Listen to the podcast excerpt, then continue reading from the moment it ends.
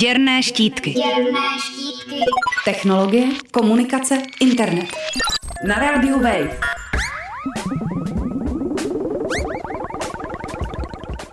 Frank Ocean na konci minulého týdne po čtyřletém čekání vydal ne jedno, ale rovnou dvě alba.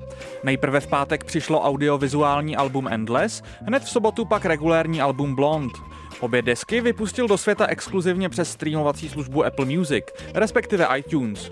Zdá se, že spíše než tvůrčí přetlak za nezvyklým postupem stály smlouvy s Oceanovým labelem. Jen první z vydaných alb totiž dle všeho vyšlo na labelu Def Jam Recordings, spadajícím pod Universal Music Group. Frank Ocean byl tomuto vydavatelství upsán od roku 2009. Podle všeho od něj v rámci smlouvy vyžadoval Def Jam pouze dvě alba. Mixtape Nostalgia Ultra vydal Frank Ocean v roce 2011 mimo rámec této smlouvy. Alby Channel Orange z roku 2012 a pátečním Endless se tak Ocean zbavil závazku.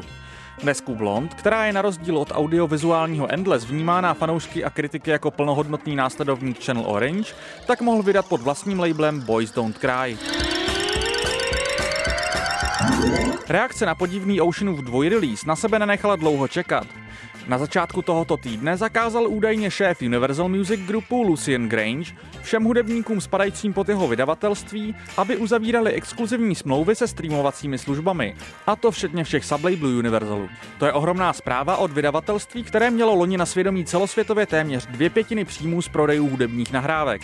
Na povrchu možná Grangeův zákaz vypadá jako populistické rozhodnutí, které má zamezit fragmentaci hudebních releaseů. Ve skutečnosti bude důvod možná poněkud cyničtější. Universal Music Group má podíl ve Spotify, stejně jako zbylá velká vydavatelství. A to se pravděpodobně chystá příští rok vstoupit na burzu. Na rozdíl od Tidlu a především Apple Music se Spotify nedaří získávat tak velké exkluzivní releasy. Vymizení této praxe by tak jeho dva velké konkurenty zbavilo značné výhody a z pozice Universalu zvýšilo hodnotu jejich podílu ve streamovací službě. Funkčnost exkluzivních releaseů obhajuje bývalý zaměstnanec Apple Music Sean Glass na webu Music Business Worldwide. Glass vyzdvihuje práci s konkrétními umělci a kurátorskou roli, kterou podle něj tyto smlouvy umožňují Apple Music plnit. Ekosystém playlistů na Spotify je podle něj takřka plně pod kontrolou propagační mašinérie velkých vydavatelství a napomáhá zavedeným jménům na úkor začínajících hudebníků. Ti, co si stěžují na exkluzivní releasy, se nepodílejí na placení. To znamená, že odmítají platit 10 dolarů měsíčně za hudbu. Píše Glass v souvislosti s ustálenou cenou za hudební streamování. Glass má možná pravdu, že Apple si více hýčká hudebníky a má k ním osobnější přístup než Spotify. Jeho argument o neochotě fanoušků platit je ale lichý. Exkluzivní releasy mohou logicky vadit platícím uživatelům jiných streamovacích služeb. Glass zároveň naprosto ignoruje fakt, že průměrný Američan podle průzkumů dlouhodobě utrácí za hudbu okolo 40 dolarů ročně. 10 dolarů měsíčně, po kterých volá, pak rozhodně není samozřejmost.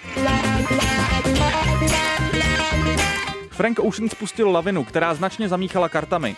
Na první pohled se může zdát, že Ocean vystřídal Taylor Swift jako symbol hudebníka, který úspěšně vytrhl kontrolu nad svou tvorbou ze spárů hudebního průmyslu.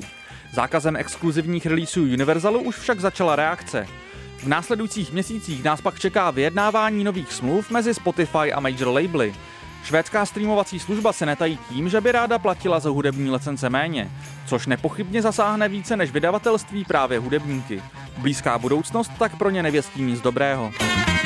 Matěj Schneider, Radio Wave. Děrné štítky. Děrné štítky. Technologie, komunikace, internet. Na rádiu Wave.